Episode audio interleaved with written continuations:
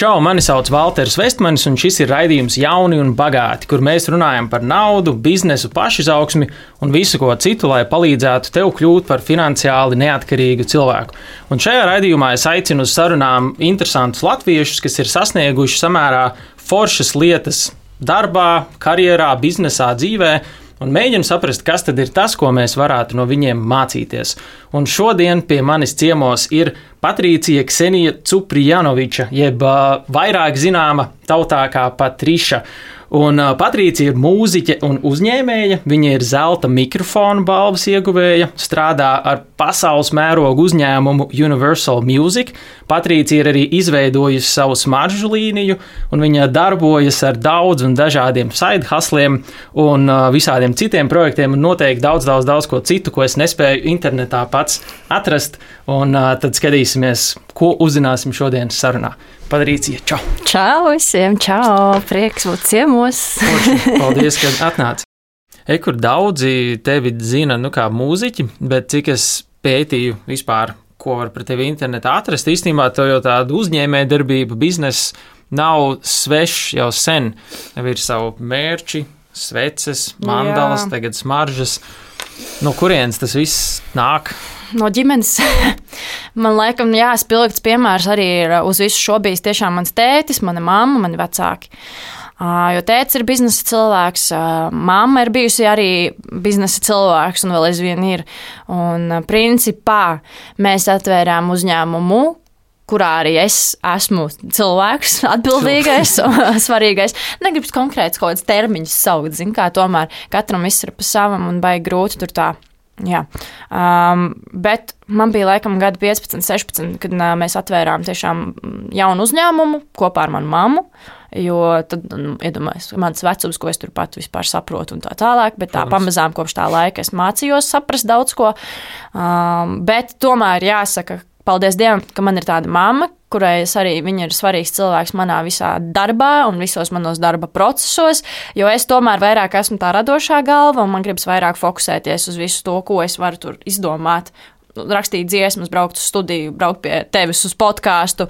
Tikmēr es nevaru kārtot uh, kaut kādas rēķinu oh, lietas, jā, mm, jā un, un tam līdzīgi. Bieži ir tas uh, sarežģītākais tajā visā jā, procesā. Un bieži vien tas arī neļauj īstenībā, it sevišķi ar koncertiem, ja tev ir vēl jādomā pirms koncerta par to, ka man ir jāatrod kaut kāds piedod pasākumu organizators vai vēl kāds cilvēks, pie kura man jāparaksta dokumenti, un es nedodies, nedrīkst pazaudēt tos dokumentus, tad es nevaru pilnvērtīgi noskaņoties savam iznācienam, jo tas nozīmē, ka es domāju par kaut kādām par liekām, tehniskām lietām, kas man Skatos pilnīgi. Sāk par līgumu nosacījumu. Jā, dziedā. un tas īstenībā ļoti traucē bieži vien, un es domāju, mm -hmm. ka radošie mākslinieki, cilvēki, kas ir uz šīs skatuves, man ļoti labi sapratīšais, bet tas nav nekas neiespējams, es esmu to darījusi. Un, uh, Bet, protams, ka tev ir tāda daudz foršāka, vieglāka sajūta, un tu izbaudi vairāk vēl to visu savu darbu.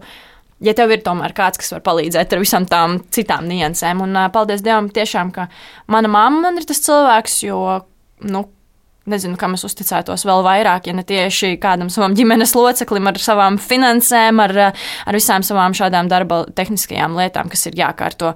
Un uh, man ir prieks, ka tiešām mana mamma palīdz man Un daudz palīdz, un jā, nu bez viņas laikam nekā tomēr.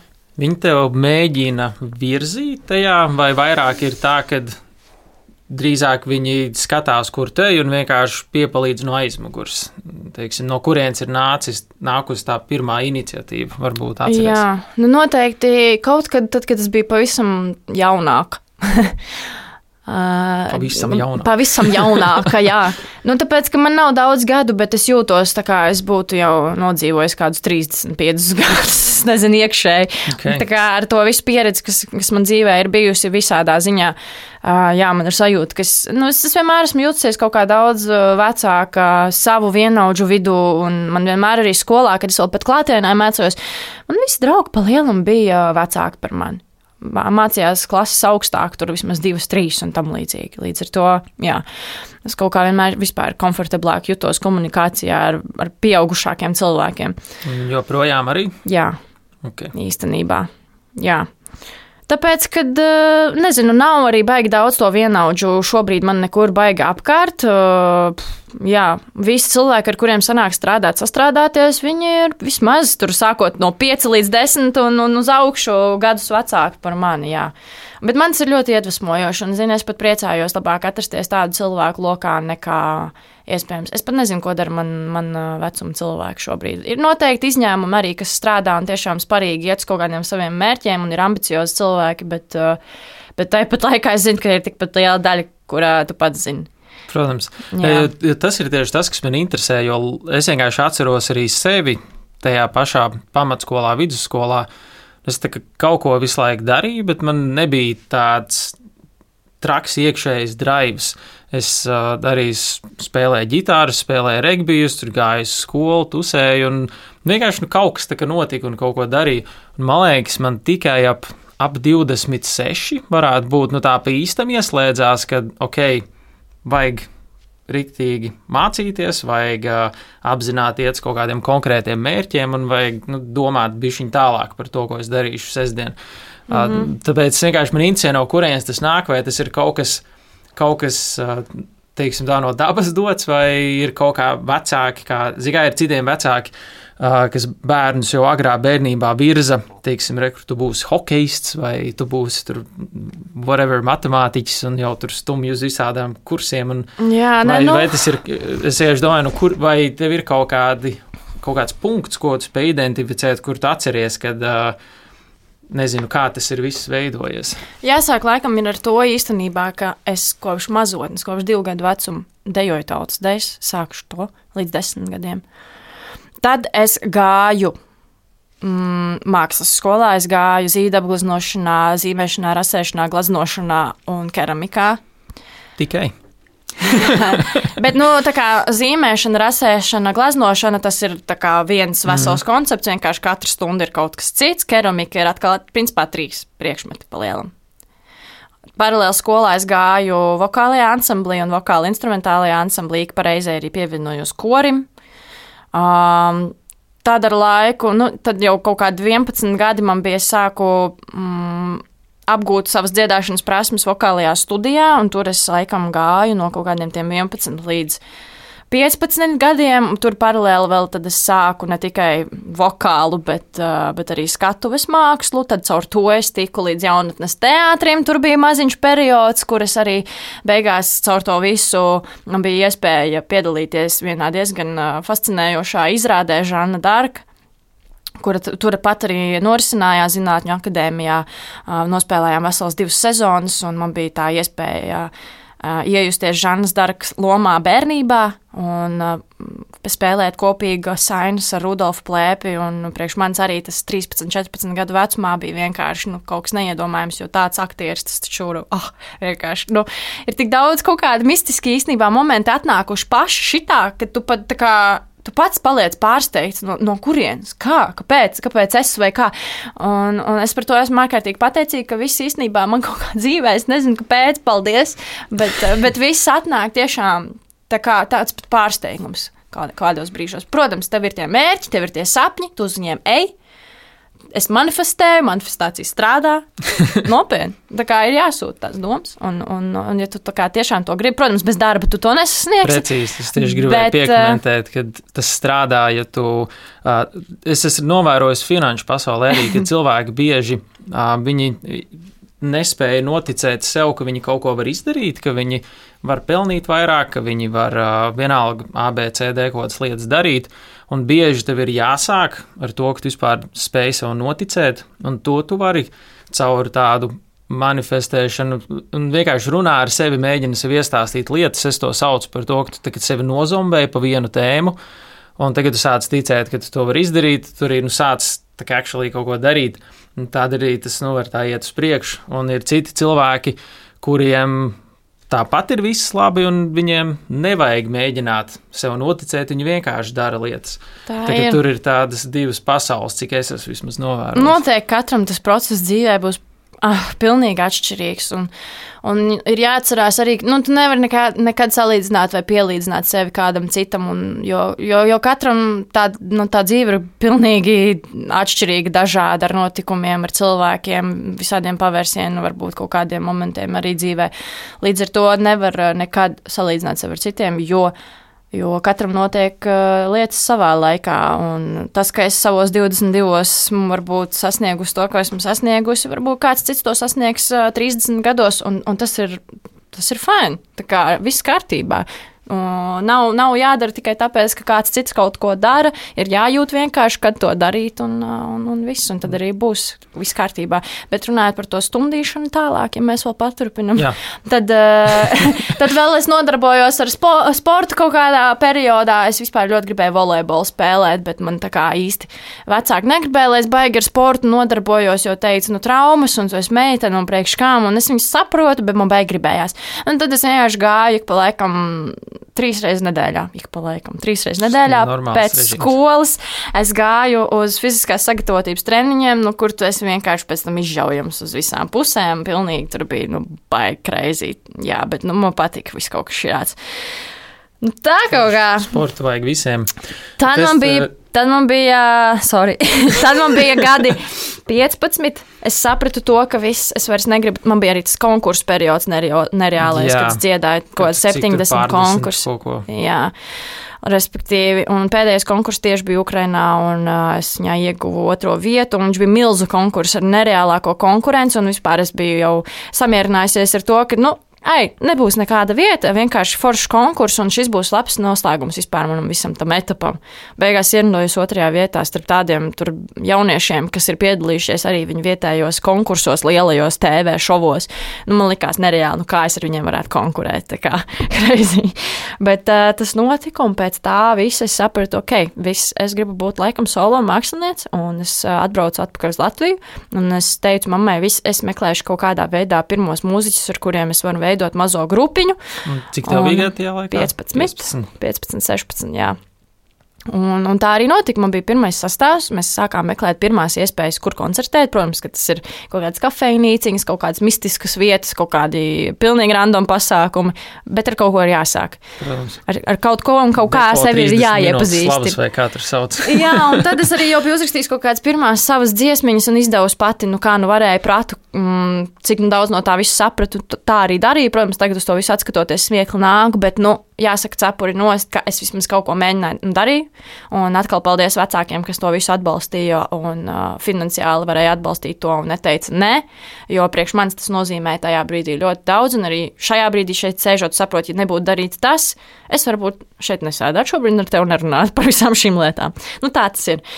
Un uh, tas laikam ir bijis tas bakstiens, ar ko vecāki man ir palīdzējuši tikt uz priekšu, ka ja man ir bijusi kaut kāda vēlme, no kuras pat varbūt es iekšēji nedaudz baidos, tad mana mamma pateica, tā, nē, mēs darīsim, jā, viss kārtībā, es tev palīdzēšu. Un tā kā mamma ir tas iedrošinātājs, mamma vienmēr pasaka, jā, mēs mēģināsim, mēs atradīsim veidu, kā to, kā to visu reāli arī pilnveidot un realizēt. Un, un tēvs ir bijis savukārt atkal tas cilvēks, kas tiešām paldies, viņš ir mans sponsors citreiz. Bet es priecājos, ka, ka tas ir ģimenes mm -hmm. lokā, ka tas ir cieši kaut kā kopā roku rokā, nevis. Jo kā jau mūsdienās ir forši, ka tev ir sponsori, bet citreiz ar tiem sponsoriem tu pats iespējams zini, kā tas ir. Nu, var kaut kas sajukt, pajukt un tā tālāk. Un tad man prieks, ka tiešām ka mana ģimene spēja un, un var mums, un ne tikai man, bet arī manai jaunākajai māsai, kurai šobrīd ir 17, un viņai arī nu, savs uzņēmums jau, wow, ar ko es viņu apsveicu arī no sirds ārkārtīgi liels mācis, un, un arī viņu ļoti atbalsta. Un, un tas ir forši, ka vecāki redz, ka tiem bērniem ir kaut kāda vēlme pašiem arī kaut ko domāt, realizēties. Un, un ja ir iespēja vecākiem tiešām finansiāli to atbalstīt, tad ir jābūt ļoti pateicīgam, ka tā var. Jo es zinu, ka daudziem varbūt jauniešiem īstenībā varbūt ir tās idejas un ambīcijas, bet nevienmēr vienkārši reāli ir tās finanses, jo finanses ir ļoti svarīgs aspekts, lai vispār tu kaut ko varētu sākt darīt. Protams, ir kaut kādi citi veidi, kā tu vari sākt visu darīt, bet pamatā, ja tu radi kaut kādu produktu, tāpat tev viņš ir jānoformē, tev viņš kaut kur ir jāieliek un uh, reklāma un vispārējais tas maksā naudu. Un savā ziņā, ja tev nav naudas, tad tev jāmeklē sponsors. Tā ir. Tā kā. Tajā pašā laikā man liekas, tā, arī nav lieta, par ko vajag kaut kā kautrēties. Ne, ir cilvēki, kam, zinā, kam ir tā palīdzība, Un viņš kaut kā par to jūtas slikti, vai kāds kaut ko sāk par viņu domāt. Jā, jā, tam jau tur tas un šis palīdzēja, bet nu, tam jau ģimene ir domāta, tam, ir, tam jau tas viss ir domāts, tāpēc mēs esam.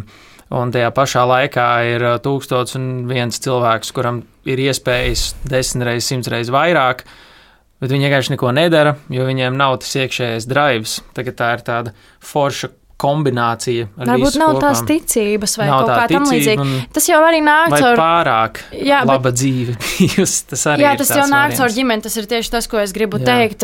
un Tāpēc arī es varu būt ārkārtīgi pateicīga saviem vecākiem, ka viņi man ir bijis tāds liels piemērs. Un, uh, viņi arī ir nākuši no mazpilsētas, no nekā. Viņiem, ir, piln, viņiem nekā nebija vispār. Viņi atbrauc no mazpilsētas uz Rīgu 19 gados, sākt šeit dzīvot, strādāt smagi un tam līdzīgi. Nu, tiešām, mans teicis no kolhoza. Māma ir no Valkas centra. Līdz ar to iedomājies, nu, viņam tiešām viņam bija ļoti grūta gan jaunība, gan bērnība ar visu to, kas um, nu, dzīvojot mazpilsētā Latvijā 70. un 80. gados. Protams, ka nebija vienkārši, ja tu nedzīvo kaut kur Rīgā un, un tā tālāk. Jā. Tā kā man ir milzīga cieņa un respekts pret savu tēti, kurš tiešām no nulles ir ticis līdz tam, kur viņš ir šobrīd. Un, Un redz, es viņu varu saukt par savu sponsoru, tāpēc man tas ir ļoti iedvesmojoši. Un uh, es zinu, ka ir ļoti daudz jauniešu, kuriem varbūt vienkārši ir arī vecāki, diemžēl, kuri negrib atbalstīt. Un tiec pats galā, tava dzīve, pašam tev tur jādzīvo, pašam tev ar visu jāatrod, kā tu tur, ko tu tur un tā tālāk. Un tad Bet tomēr- Laus, nedaudz grūtāk lausties uz priekšu, Jā. bet nu, nav, nav neiespējami galvenais to neizmantot kā attaisnojumu nedarīt lietas. Jā, Tas ir tieši tāds tā. liels. Un uh, citreiz varbūt ir tiešām jāsasparojas, lai vienkārši saviem vecākiem tādā gadījumā pierādītu, ka, hei, bet es varu arī bez tevis tikt galā. Un tā kā, nu, viss. bet, protams, ka ir ārkārtīgi krūti, ka tev ir tāda ģimene un vecāki, kas um, tev var pirmkārt iedvesmot, pašu darīt kaut ko arī izdomāt, veidot savu biznesiņu vai kaut kādas savas šādas lietas. Um, jā, Jā. kuri zina, kā tas ir, un kuri var iedot kaut kādus padomus, nesakot priekšā visu simtprocentīgi, jo, protams, ka tā pieredze ir pašam vajadzīga arī visādi veidi situācijas un saskares un tā tālāk, kuras risināt. Mm, bet, uh, jā, esmu tētim arī palīdzējis, tad, kad viņš tikko sāka strādāt pats arī ar savu biznesu. Zvanīju uz ārzemēm, palīdzēju veikt zvanus un tam līdzīgi. Pārdošanas zvanus? Jā. Tā tas kā ir ā, tas. Man liekas, neviens, kas saka, ja tu neesi pats pārdod, kaut kāds augstos pārdošanas zvanus taisījis, tad tu nezini, ko tas nozīmē. Tā ienāk tāds kamols mutē, tāda karsta kad Jā. spied to telefonu. Tā kā- kā briesmīgi tā Tā kā sajūta. tas, tās darba, darbs vispār manā dzīvē ļoti agri sākās. Pirmo reizi es vispār laikam sāku strādāt. Um, pirmo reizi pamēģināju pastrādāt 11 gados. Man tēca aizveda uz savu ražoti un teica, re, kur krāmē dēļu pakas, pako ciet, tev ir re, kur visa diena. Nu, cik apakos, tik nopelnīsi. Sporta nesūtīja, bet lika dēļus krāmēt. Viņš man sūtīja krāmēt tās pakas ar domu, lai, viņš, lai tu saprastu, kā tas vienkārši ir. Lai, lai būtu, lai tu spētu novērtēt vienkārši, kā tas ir smagi strādāt un nenopelnīt īstenībā neko. Un ot, tagad, kā, cik, cik liela tev atdeva būs, tik tu principā nopelnīsi. Un es ļoti īstenībā priecīga, ka man. Viņš tā izdarīja, jo man pēc tā arī bija baisais klikšķis, un es tā kā man šausmīgi, es ļoti kaut kā. vi- Es vispār baigi. atmiņā tas moments ļoti. Jā, es ļoti novērtēju, jo, jo man kaut kā uzreiz ir lielāka cieņa, un tiešām tās vērtības ir pilnīgi savādākas. un Tas skats uz to, ka nu, tas smagais darbs nes augļus, jā, tā tas ir. Un, un tad es 12 gados strādāju uz mēleņu plantācijas pie Aina ar Mielu. Lasīju mēlēns vasarās, un uh, tas bija mans darbiņš, kur arī, nu, kā bērnam forši. Ne, ne jau man spieda tur, es tā kā pati gribēju kaut ko padarīt, jo gribējās savu naudu nopelnīt, un tā kā nopirkt sev pavasaru kaut ko, ko es, nu, tur nezinu, skolu jaunu somu, piemēram, forši vai ne? Tā kā tev ir mērķis, Tev re, vēl kur tu tā, tā pastrādā. sajūta, ka tu esi pati nopirkusi. Tas Jā, arī un tas uzreiz tev kopš bērna kājas iemāca to, ka redz, kur tev gribas kaut ko sasniegt, strādā, lai to sasniegtu. Forši. to es iemācījos diezgan agri, tad arī 13 gados jau strādāju bērnu pasākumu uzņēmumā, kur es eh, ģērbos gan maskās, gan glitter tetovējumus taisīju bērniem, gan vadīju rotaļas, gan visu, vis, ko mēs mm, braucām pa visādiem pilsētas svētkiem un privātiem pasākumiem. Tas bija kāds darbs man tādu labu periodu. Nu, jā, un tad pamazām, pamazām mūzika, un, un tad jau es piedalījos X Factor pirmajā sezonā, un, un, un lūk, viss Universal un tā tālāk. Kreisī Kur- vispār. Kurš vai tu atceries brīdi, kurā tu saprati, ka mūzika nav vairs tikai hobijs? Mm. Nu, laikam, tad, kad es piedalījos X faktorā, es, lai gan arī es, es piedaloties X faktorā, arī gāju uz turieni jau ar tādu pieredzi pēc arī savas dalības citos šovos līdzīga tipa, kur es jau pirmo reizi saskāros ar tādiem šova samudrīšanas kaut kādiem momentiem, nu, kur tu jau priekšlaicīgi zini, ka viss ir izdomāts, un tu principā piedalies vienkārši. Jā, ka tu zini, ka tu nevinnēsi un Jā. tādā ziņā. Tu zini, Mm. kurš cilvēks tur tiks tālāk, kurš netiks kaut kādus tur samēni mistiski vietām, lai tur kāds tiktu tavā vietā. Nu, tam līdzīgi. Un, un tad, ejot uz X faktoru, es piedalījos principā vienkārši ar domu, ka mums tas ir kaut kas jauns, forša platforma, skatīšos, kā ies, vienalga, principā. Jā, un tad kā tajā posmā es arī sāku baigi dalīties ar, uh, ar to, ka es dziedu Instagram platformā, bet nevis tāpēc, lai tur palielītos, vai man nebija pat doma vienkārši piesaistīt uzmanību. Tas, tā kā es skatījos, ir cilvēki, kas mākslinieki glazno glazmas, un viņi dalās ar to, ir dejotāji, kas dalās ar to. Man likās, nu, man patīk dziedāt, kāpēc, kāpēc kā nedalīties, mm -hmm. neiedvesmot savus, uh, savu vecumu jauniešu, arī varbūt dalīties vai mēģināt kā arī kaut ko sasniegt caur, caur šādu platformu. Un vienkārši par pārsteigumu caur to visu man pamanīja Universal vēl pirms X faktora. Man bija atnākusi vēstule, kur man prasīja, vai es plānoju piedalīties kādā konkursā, liela, liela mūsu izmēra. Un, un es teicu, ka X faktorā, tad viņi teica, ok, mēs paskatīsimies, kā tev tur ies. Es tur piedalījos, es tiku līdz krēslam, es dabūju krēslu, es nosēdēju visu to, to vakaru uz tā krēsla, un tad nāca pēdējā dalībniece visā tajā izaicinājumā, un mūs samainīja vietām, un es pametu šovu. Bet Tas bija tas iestudētais, vai tas bija neiestudētais? Vai labi, neviens nezina. lai vai kā, tas tā nav mana sirdsapziņa. Jā. Mm. Un ar. Un, Un varbūt, ka labāk, jo pēc tam man atnāca oficiālā vēstule no Universal Music Group. Uh, jā, gribējām satikties. Un, uh, un, un tāds viss sākās. ko reāli nozīmē būt tajā Universal Music Group ģimenē? Jo daudzi varbūt nezina, es atzīšos, šitais ir uh, ļoti apkaunojoši teikt, bet es, es redzēju kaut kad, kad bija tur Instagramā vairākām latviešu grupām, tajā bio rakstīts Universal Music. Man sākumā likās, ka tas ir tāds tā prikols. Nu, es nezināju, ka actually lielais Universal Music Group ir atnācis šeit un arī ar vietējiem māksliniekiem strādā. Un uh, es to uzzināju, nu, ka tas ir bīstami tikai tad, kad es gatavojos šodienas sarunai. Man bija tāds, Tu domā, ka mēs fejkojam, jā? Nē, nu, man liekas, tas tāds tāda, nu, nu, tur tā kā kaut kāds tas kārpul, nu, Jā, nu jā, kaut, jā. es nezinu, uzstājas latviešu kaut kādu savējošu. Nē, nevar jau uztaisīt neko savējo. Ja sevišķi tas ir uzņēmums, kurš ir milzīgs pasaulē un Nu jau jā, cik tu gadus un noteikti patentēts un stipri sargāts un tā tālāk. Es šaubos, ka tāda Latvija varētu vienkārši pēkšņi, ah, mēs esam Universal Music Group Latvija. Jā, nu, tā kā kaut kāds nebija vienkārši salcies kopā. Jā, jā, nē, tas viss ir pa īstam. Tas viss ir pa īstam. Tici man, es tad, kad man atnāca tas ēpasts oficiālais, es vēl tad dzīvoju pie vecākiem. Es izlidoju mm -hmm. no savas istabas kā bulti, jo man bija tāds, what? Ko? Man atnāca ēpasts no Universal Music, protams, man bija tāds, varbūt fake, varbūt nav īsts, varbūt tā kā, zinu, kāds nes cauri. Universal varbūt kaut- Music at gmail.com. Bet beigās, jā, man raksta, nu, esmu tur pārstāvis no Latvijas. Šobrīd redz, kur satiekamies, parunājamies. Tā, nu, labi, arī satiksimies. Satikāmies, parunājām, un, un sapratu, ka tas viss tiešām ir pa īstam. Nu, un, protams, man bija iedomājies 16 gadi, es parakstīju līgumu. Jeb mana mamma parakstīja līgumu, jo es jau vēl nevarēju parakstīt neko.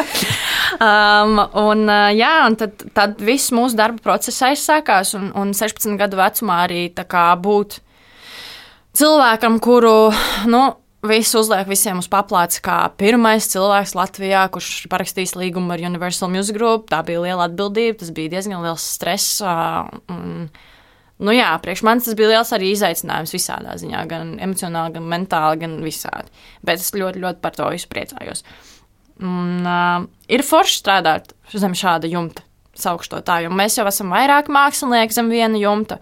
Un redz, kur tagad noslēgsies X faktori šī sezona, mums pievienosies vēl kāds jauns mākslinieks. Um, protams, šādā mazā valstī varbūt nav tik vienkārši, kā gribētos. Uh, iespējams, kā ir citur, lielvalstīs, strādājot ar lēblu, bet tas pienesums, es par viņu esmu ļoti pateicīga. Tiešām. Ja tur jau kur katru arī neņem. Nu, protams, tas jau arī ir viss liels risks ā, pašam lēblam, jo, jo nu, kā, tev ir jāstrādā ar mākslinieku, kurš ā, arī kaut kādā ziņā nevis noplaks vai nevis būs neredzams, nedzirdams un tā tālāk, bet Lēdlam ir svarīgi, ka katrs viņa mākslinieks arī ir dzirdams, redzams, un, un man liekas, ka mums iet visai labi. Forši. Ik pa brīdim ir tā sajūta, kad es redzu vietējos māksliniekus, un es redzu viņu tik forši un talantīgi, bet tāpēc, ka viņi dzied latviešu un Latvijā, tev, nu, gribot, negribot, vienkārši ir griesti. Un uh, tad Jā. es domāju, teiksim, es atceros tāds pēdējais, par ko es visu, visu vairāk biju nošķējies, bija tagad uh, tāda veca grupa Zodijaks, uh, kas tur vecāku paudzi klausījās, un tad man vecāki bija uzdāvinājuši biļetes, aizgājām ar viņiem. Un es nebiju nekad redzējis, kā Mukta Pāvils Zikfrīds, uh, pareizi laikam atceros vārdu, jā, kā viņš violi spēlē. Es vienkārši biju autā, nu, po, man vienkārši uzsprāga galva. Es nebiju neko tādu dzīvē vispār redzējis.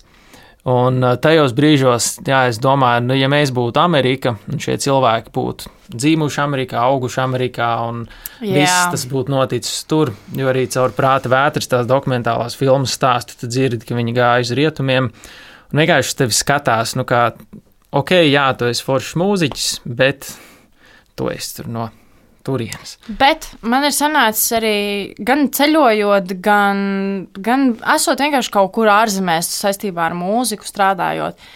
Runāt ar šiem pašiem amerikāņiem, cilvēkiem no Zviedrijas, no Vācijas, no, no Anglijas. Viņiem īstenībā pat ļoti patīk un interesē cilvēki, kā viņi saka, kas ir eksotiski. Eks, mēs esam eksotiski Jā. tagad, ok, forši. Jo es biju Itālijā atpūsties un es iepazinos ar foršu amerikāņu ģimeni, un nu, viņi bija tiešām tā īstā amerikāņu ģimene, kādu mēs bez mazliet redzam filmās un visas to pusi, jā, un, un mēs arī sākām vienkārši runāt, nu, kas ko dara un kā nodarbošanās un kā, kā, kā viņiem interesē, kā mums valstī, kā tur izglītības sistēma un, un, un tā, nu, kāds ir mazā valstiņā, jo viņi taču ir Amerikā, ka man, viņiem vispār nav izpratnes, kas tā Latvija tāda, zin, kad tur nav bijuši. Viņi nemaz nespēja iedomāties. Nu tā. mm.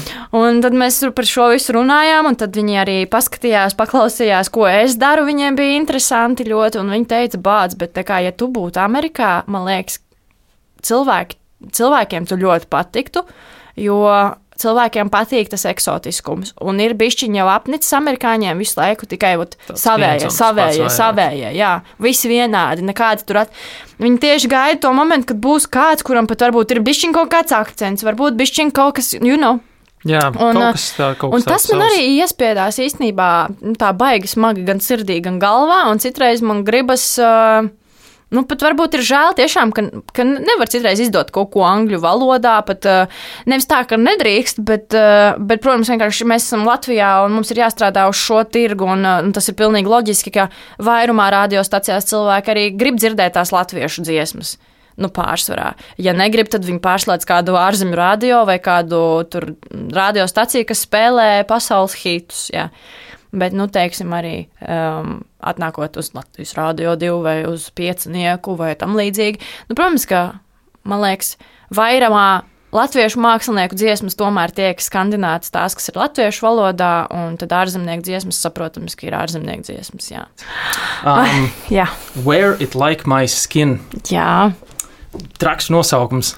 Pirmkārt Jā, pirmkārt, jau apsveicu. Paldies. Forši, kā, kāda sajūta, ka tev ir sava smarža līnija. Var redzēt, kāda man ir sajūta. Es vienkārši uh, smaidu un sāp vajag kauli, jo priekš manis tas, protams, manā karjerā ir tāds diezgan, varbūt salīdzinoši kaut kāds mazs moments īstenībā savā ziņā, jo smarža pudelīte ir maziņa, viņa nav milzīga. Bet okay. priekš manis, manā dzīvē, uh, manā karjerā tas noteikti ir tāds liels un svarīgs kaut kāds varbūt pat pagrieziena punkts vai jauns atspēriena punkts, kaut mm. kāds maziņš moments, tāds, ko pēc tam arī nākotnē atcerēties, ko atskatīties.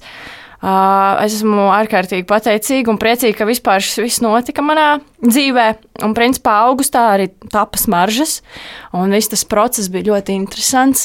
Nekad neko tādu nebiju pieredzējis iepriekš, jo izveidot savas smaržas, protams, ir ļoti tāds nu, atbildīgs moments, jo tas ir kaut kas, ko tu mhm. pēc tam attiecīgi piedāvā cilvēkiem. Un, saprotams, ka smaržas vispār ir ļoti sarežģīts kaut kas tāds, jo ne visiem var patikt, ne visi varēs viņus valkāt. Man arī uz skatuves atrodoties, smaržas īstenībā ir ārkārtīgi svarīgs papildinošais elements tas papildina manas sajūtas, un tāpēc nevelti laikam arī ir šīs aromaterapijas, un nevelti tās tie aromāti cilvēkiem palīdz īstenībā. Jā, aromaterapijās neesmu bijis. Es biju kādreiz. Esmu bijusi, jā. jā. Man ir viena radiniece, kas arī ir ļoti tāds īpašs cilvēks, un, un viņa vada šīs krāsu aromaterapijas, un es pie viņas kādreiz uz tādām arī pagāju pāris reizes, tā kā man sapratni par to bija, un es sapratu to, cik īstenībā tiešām aromāts var ietekmēt cilvēku ikdienu vai, vai teiksim, konkrētam darbam. Tev, tev ir jāno, jānokoncentrējas tagad uz konkrētu kaut kādu projektu izpildi un tev vajag kaut kādu aromātu, kas tev varētu palīdzēt koncentrēties. Un reāli tu vari atrast tādu aromātu, un tiešām tā, tā koncentrēšanās spēja būs lielāka.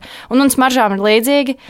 Smaržas, protams, katru, katrs uz sevis uzpūšot, jutīsies pa savam, viennozīmīgi, bet es ar savām Weird Like My Skin smaržām jūtos nu, tā ļoti kozī, tā ļoti mīļi, bet tāpat laikā tur ir tas, tas bišķiņ, tas vīrišķais moments, kas, manuprāt, arī Uh, it sevišķi sievietēm mūsdienās, man liekas, ir ļoti nepieciešams pat kaut kādos momentos justies tā, tā ļoti spēcīgi kā sievietei, ka tu vari būt pati kā sieviete un tev nevajag nevienu citu. Kā tu izdomāji taisīt smaržas? Tu, tev varbūt ir māksla, mūzika, tas tavs lauciņš un pēkšņi smaržas. Man ļoti patīk aromāti, un es vienmēr esmu bijis tas cilvēks, kurš uh, Mājās kvēpina vīrakus, man patīk šie trauki, kuros pilina eļļas. Man vienmēr aromāts ir bijis ārkārtīgi svarīga sastāvdaļa no manas ikdienas, it sevišķi strādājot vai radošā procesā. Tas ir, nu, man, priekš manis tas ir nenormāli, man tas ļoti palīdz. Vienkārši justies labi, es uzreiz esmu koncentrēta savam darbam, tas, nu, tas iedod kaut kādu pareizo tomēr to sajūtu arī,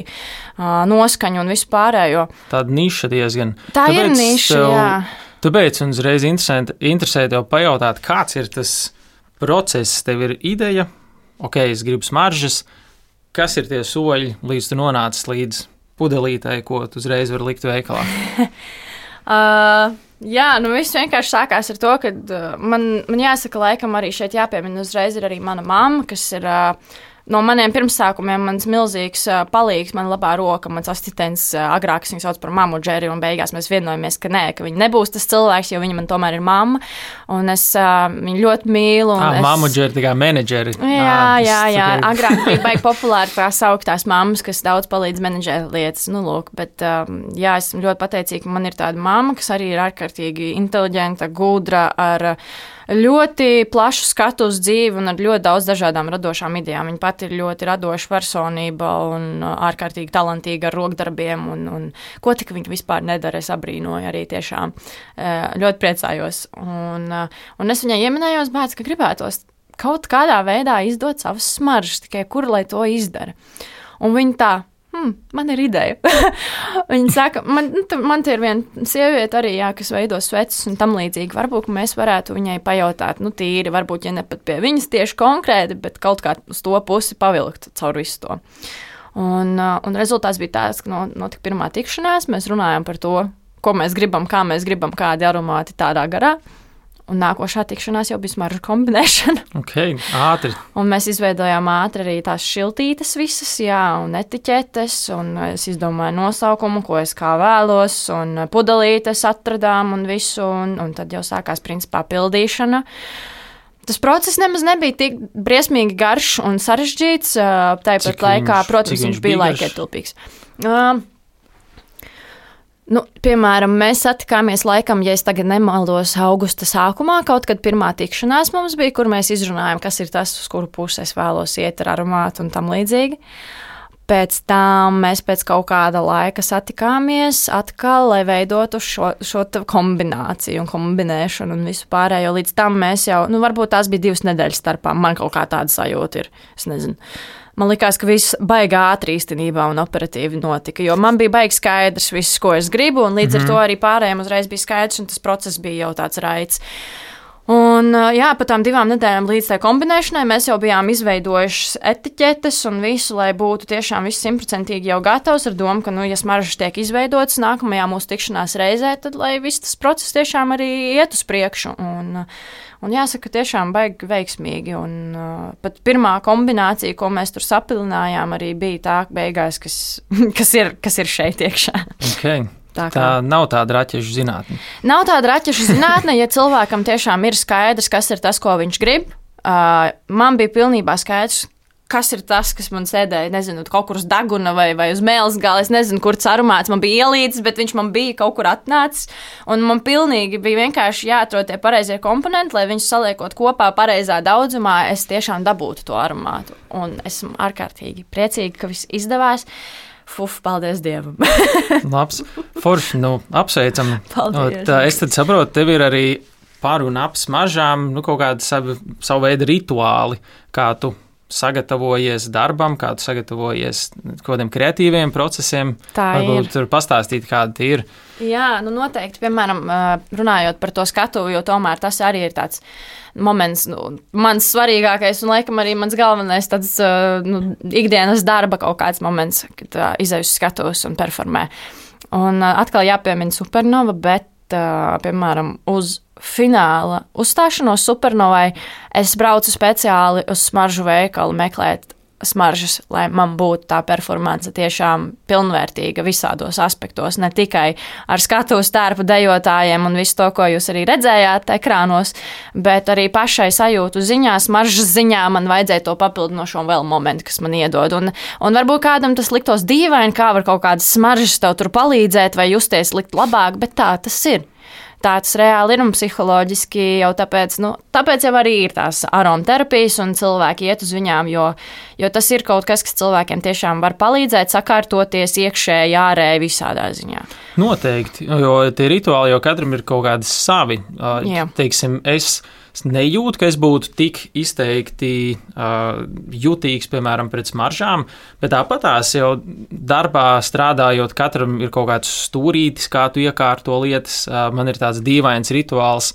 Kad es noskaņojos, ok, tagad man būs tāda deep work sesija, kad es divas, trīs stundas vienkārši fokusēšos. Mm -hmm. Un es vienmēr aizēju, uztāju kafiju, aizēju uz toleti, un man ir nu, tāds tā kā darbību secība, Jā. kad es zinu, es tikai ieprogrammēju smadzenēs, kad, kad ir izdarīts A, B, C, D, E.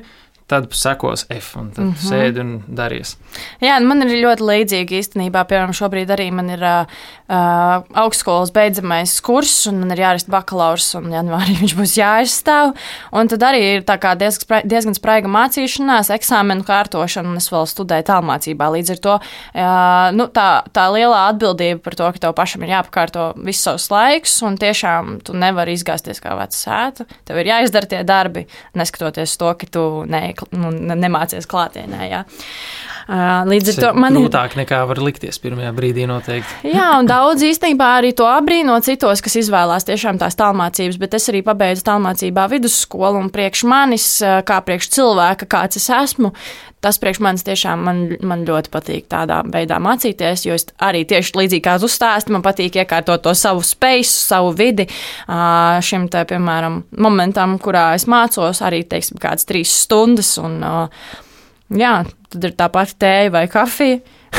aiziešana uz toleti, es vai nu iededzinu sveci, vai nu, vai nu tiešām atkal iekvēpinu kaut ko, un tas ir tas, kas man palīdz nokoncentrēties. Un kaut kāda forša, tāda, tāda viegla mūzika. mūzika, kas ir, bišķiņa meditatīva. Jā, tas ir tas, ir tas mans. Bet par skatu runājot, mūzika bez vārdiem. Jo, Jā. ja ir ar vārdiem, es, es arī nevaru. Sāc klausīties, ko tur Es kā dziedātājs vispār nevaru, jo man uzreiz ir, es taču zinu uzreiz vārdus un dziedu līdzi, un tad tu beigās mm -hmm. raksti tur kaut ko savā kladē baigi, un uh, hm, ko es vispār rakstīju. no šitā. Bet jā, runājot par skatu, tiešām tas smaržas priekš manis arī ir svarīgs moments, un, un tas rituāls, nu, jo tas ir mans darbs, principā. Tad tas mans pirms darba rituāls ir uh, arī kārtīgi izvingroties, izstaipīties, lai neko nesavilktu, nesarautu, jo ir gadījies, un es vairs to negribu pieļaut, tāpēc es sāku tā pamatīgi piedomāt par to, ka pirms katra koncerta savais labi izstaipos, izvingrojos, lai nebūtu kaut kādu problēmu. Neskatoties uz to, ka jaun, nu, jaunais esmu, bet tāpat tas, tas spriedze un, uh, un kaut kāds tas um, brīžiem varbūt darba overloads sakrājas, un, un uh, nu, tas uz, uz ķermeni ļoti jūtās tomēr un uz organismu. Tāpēc ir svarīgi jā, domāt arī par to, ka tu varbūt tur kusties un, un dari kaut ko bišķiņu aktīvu. Um, es baigi neforsēju, protams, tur ar baigiem treniņiem ikdienā man tā ir staipīšanās, un es staigāju ļoti daudz īstenībā. Tā kā tas ir tāds mans uh, veids, kā es uzturu sevi tā. Tikt galā arī. Un ar stresu, nu jā, nu tas jau tagad ir baigi mazinājies īstenībā. Uh, it sevišķi uz skatuves ejot. Kāpēc? Kas, Kāpēc? kas ir mainījies? Pieredzes ir vai- vairāk, Ā, ah, pieredze. pieredzes ir vairāk, pieredzes ir vairāk, pašapziņas, pašapziņa ir cēlusies. Um, tā izpratne par to, kas es esmu, kas ir tas, ko es īstenībā gribu ar to visu sajust vai nodot tieši citiem cilvēkiem. Kāds ir tas mērķis, kāpēc es to daru, lai kādam pierādītu kaut ko, vai, vai lai tiešām es izbaudītu to savu darbu. Un priekš manis mūzika vispār ir bijis tāds dzīves glābiņš. Kaut kādos periodos līdz ar to man tā būšana uz skatuves tiešām ir tāds laimes piepildījuma mirklis, kurā es varu justies brīvi, labi.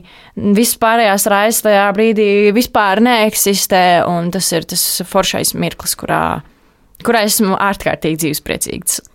Līdzīgi kā sportistiem, kad viņi ir uz laukuma spēles laikā, tad neeksistē vispār pārējā pasaule. Ir tikai tas viens moments, Jā, savā tu ziņā. viņam ļaujies, tu viņam ļaujies. Un, uh, jā, un tas stress vienkārši ar laiku pārgāja tādā saviņojumā, adrenalīnā laikam. Jo, protams, ir tās adatiņas pirms iziešanas, bet tas nav stress. Tas ir vairāk tāpēc, ka man rūp, gribas izdarīt tomēr visu kvalitatīvi un labi un ar visiem saviem arī grupas biedriem.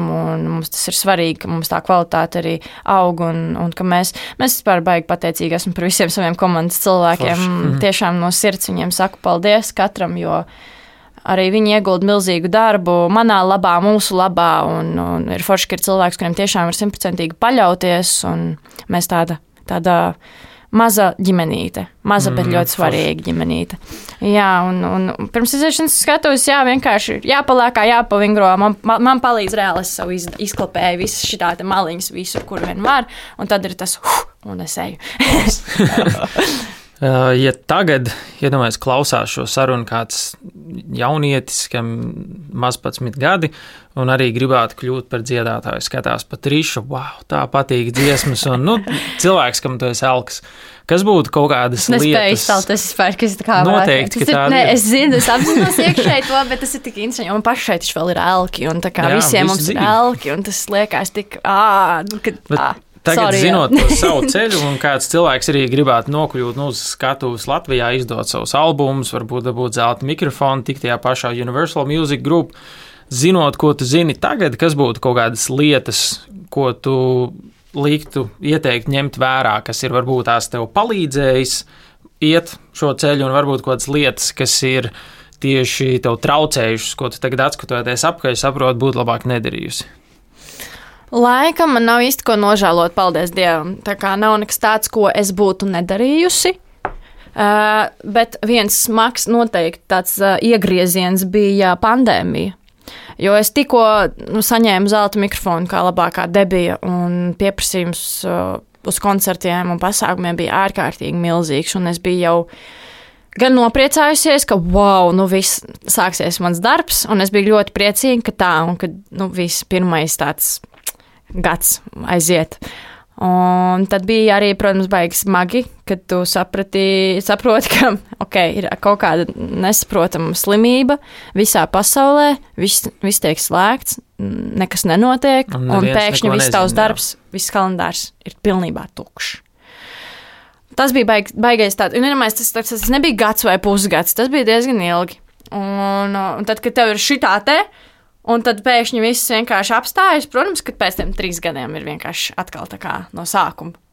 Jā, Tas bija tas, laikam, moments manā karjerā, kurš tā tas sāpīgs restarts. savā Jā, ziņā. diezgan sāpīgs, jo bija baigi labs uzrāviens, un tad vienkārši, nu, nekā mēs, protams, to nevaram ietekmēt un, un apskriet vai kaut kā tam līdzīgi, bet, uh, nu, jā, vienkārši fakts kā tāds, ka bija tā pandēmija, un, uh, un ļoti daudziem tas tiešām arī daudz ko paņēma, atņēma, kaut kādas iespējas, kuras jau pēc tiem trīs gadiem, diviem ar pusi, nu, protams, saprotams, ka nebūs vairs, jo viss jau tā kā, visiem viss sākās no nulles pēc idejas palielam. Jā, daudz, daudziem vismaz noteikti. Jā. Un Arī Nu draugi, kas bāru un restorānu industrijā strādā, nu, tur bija ļoti smagi arī. Mm, tā kā jā, bija, bija tāds interesants periods. Bet, nu, paldies Dievam, ka es arī tajā pandēmijas kaut kādā posmā arī sāku, sāku studēt, un, un tas man aizņēma laiku. Protams, arī ar mūziku mēs nodarbojāmies, un kaut ko mēs tur arī izdevām, bet, nu, saprotams, ka tā koncertēšana bija aptu, absolūti pilnībā nebija. Un tas jau arī ir tas svarīgākais māksliniekam, skatuves māksliniekam vispār kā tāds darba aspekts. Noteikti. Jā. Tā kā, tā kā bija baigi, tas bija tāds žēl, nenormāli bija žēl. Nu, vienkārši sirdi plēs uz pusēm, ka bija tik krūtis iespējas, un viņas vienkārši. De, nav. Jā. Bet tā par visu pārējo man, es teikšu, tā, man nav, man nav ko nožēlot, un, un viss, kas ir noticis, ir bijis gan laba vai slikta mācība. Paldies Dievam, nav nekā daudz slikta. Un, eh, tā visa arī ir pieredze, un, un protams, ka es no tiem 15, 16 līdz šim brīdim esmu ļoti daudz augusi un mainījusies, un tā sapratne vispār, ko es gribu, kā es gribu, un kas es pati esmu, ir daudz skaidrāka un lielāka. Un, Un, un varbūt tie trīs gadi tieši bija kaut kādā ziņā tāds pozitīvs pagrieziens. Es pieaugu vēl, uh, pakrāju vēl pieredzi, sapratu, ko es gribu vēl vairāk, kas es esmu vairāk. Varbūt tie, tā trīs gadu pauze palīdzēja neaizlidot mākoņos arī saslimt fakts. ar, um, nezinu, kas tas sindroms, Bet, slavenības sindroms vai kā to Nu, jā, nosaukt. grū, nezinu, kas tas zvaigžņu, zvaigžņu slimība. Zvaigžņu jā, slimība. jā. Zvaigžņu slimība, Vai iedomība. tev ir zvaigžņu slimība un iedomība. Es nezinu. Vai tu man ir? Es nezinu, es pirmo reizi Nu, to nē, nē. Es, es ā, gribētu teikt, tiešām ar tādu tīru sirdi, ka man nav, un es šausmīgi neieradzu cilvēkus, kuri tādi ir. Es nevaru izturēt. Man vienkārši liekas, nu, bet par ko? Tu esi tieši tāds pats cilvēks. Un tas, ka tu esi sasniedzis daudz vai, vai kaut ko nenormāli krūtu, tas nenozīmē, ka tu vari palikt piedot tā kā tāds, es nezinu, pret citiem. Jā, Tieši esi iedvesma citiem, tieši esi tas, tev nav tur jāatklāj visas savas kārtas un visu savu noslēpumu, kā tu tur to sasniedz vai tam līdzīgi. Bet, ja tu vari kādam cilvēkam palīdzēt, man liekas, tas ir daudz labāk un foršāk, un, un nu, tas nāk atpakaļ. Anyway. precīzi. Es nezinu, kāpēc ir jābūt skaudīgiem, kāpēc ir jā... Kāpēc mums vispār tautā arī ir cilvēki ļoti tādi skaudīgi un grib, kā kādam kaut kas ļoti. labāk, tā, tu, tu, tu, tur uzreiz, nu, pilnīgi, liekas, nu, bļāviens, nu, un ko tu dari? Sēdi mājās uz savu dīvānu, visu laiku skaties, kas citiem, kas citiem, kas citiem, man arī tā gribētos, bet ko tu reāli dari, lai tas tā kā būtu. Un te neiet runa tikai par jauniešiem, tie ir reāli pieauguši cilvēki, piedod, kuriem jau ir pat tuvu 40 vai pat pāri 40. Un viņi spēja rakstīt, piemēram, pat man, man ir 22, tādas lietas, ka, nu, liekas, nu, nu bāc, tu esi pieaugušs cilvēks, un tev skauž, ka es daru kaut ko, un piedod, tu nedari. Tā nav mana problēma. Sākšu ar to. Beigšu ar to, Skaudība, ka Man liekas, jā, jebkurā vecumā tu vari tomēr savākties, piecelties no tā dīvāna un sākt kaut ko darīt, lai tu būtu priecīgāks un lai tev nebūtu visu laiku tā sajūta, ka visiem dzīvē viss ir labi un man ir slikti. Kāpēc man tā ir? Jā, es nezinu, tā- man liekas, tā- vajag padomāt, kāpēc tā ir tādā gadījumā. Nu, tā kā Precīzi, jā. paskatīties pašam uz sevi no malas. Jo nu, es, ne, es izklausos tiešām tā, ka es būtu tāda visiem Sieviete pirksti? Bet tā ir, ir tāds uh, teiciens, ko man patīk regulāri teikt, kad uh, daudzi skatās uz cilvēku no malas. Un tad saka, ah, viņam jau paveicies, rekā, rekā viņa māk dziedāt, rekā es esmu par sevi dzirdējis, ka es esmu diezgan tāds neveikls runātājs individuālās sarunās, bet man diezgan labi padodas uh, uz skatuves runāt. Uh, es arī nekautrējos to tā teikt.